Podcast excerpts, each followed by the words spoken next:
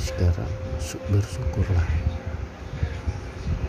Yang gak punya orang tua sabar. Semua ada. Hikmahnya dibalik apa yang kita rasakan semua. Tak semudah yang kita rasakan. Apa yang mereka punya kita gak punya. Selalu bersyukurlah dalam hidup ini.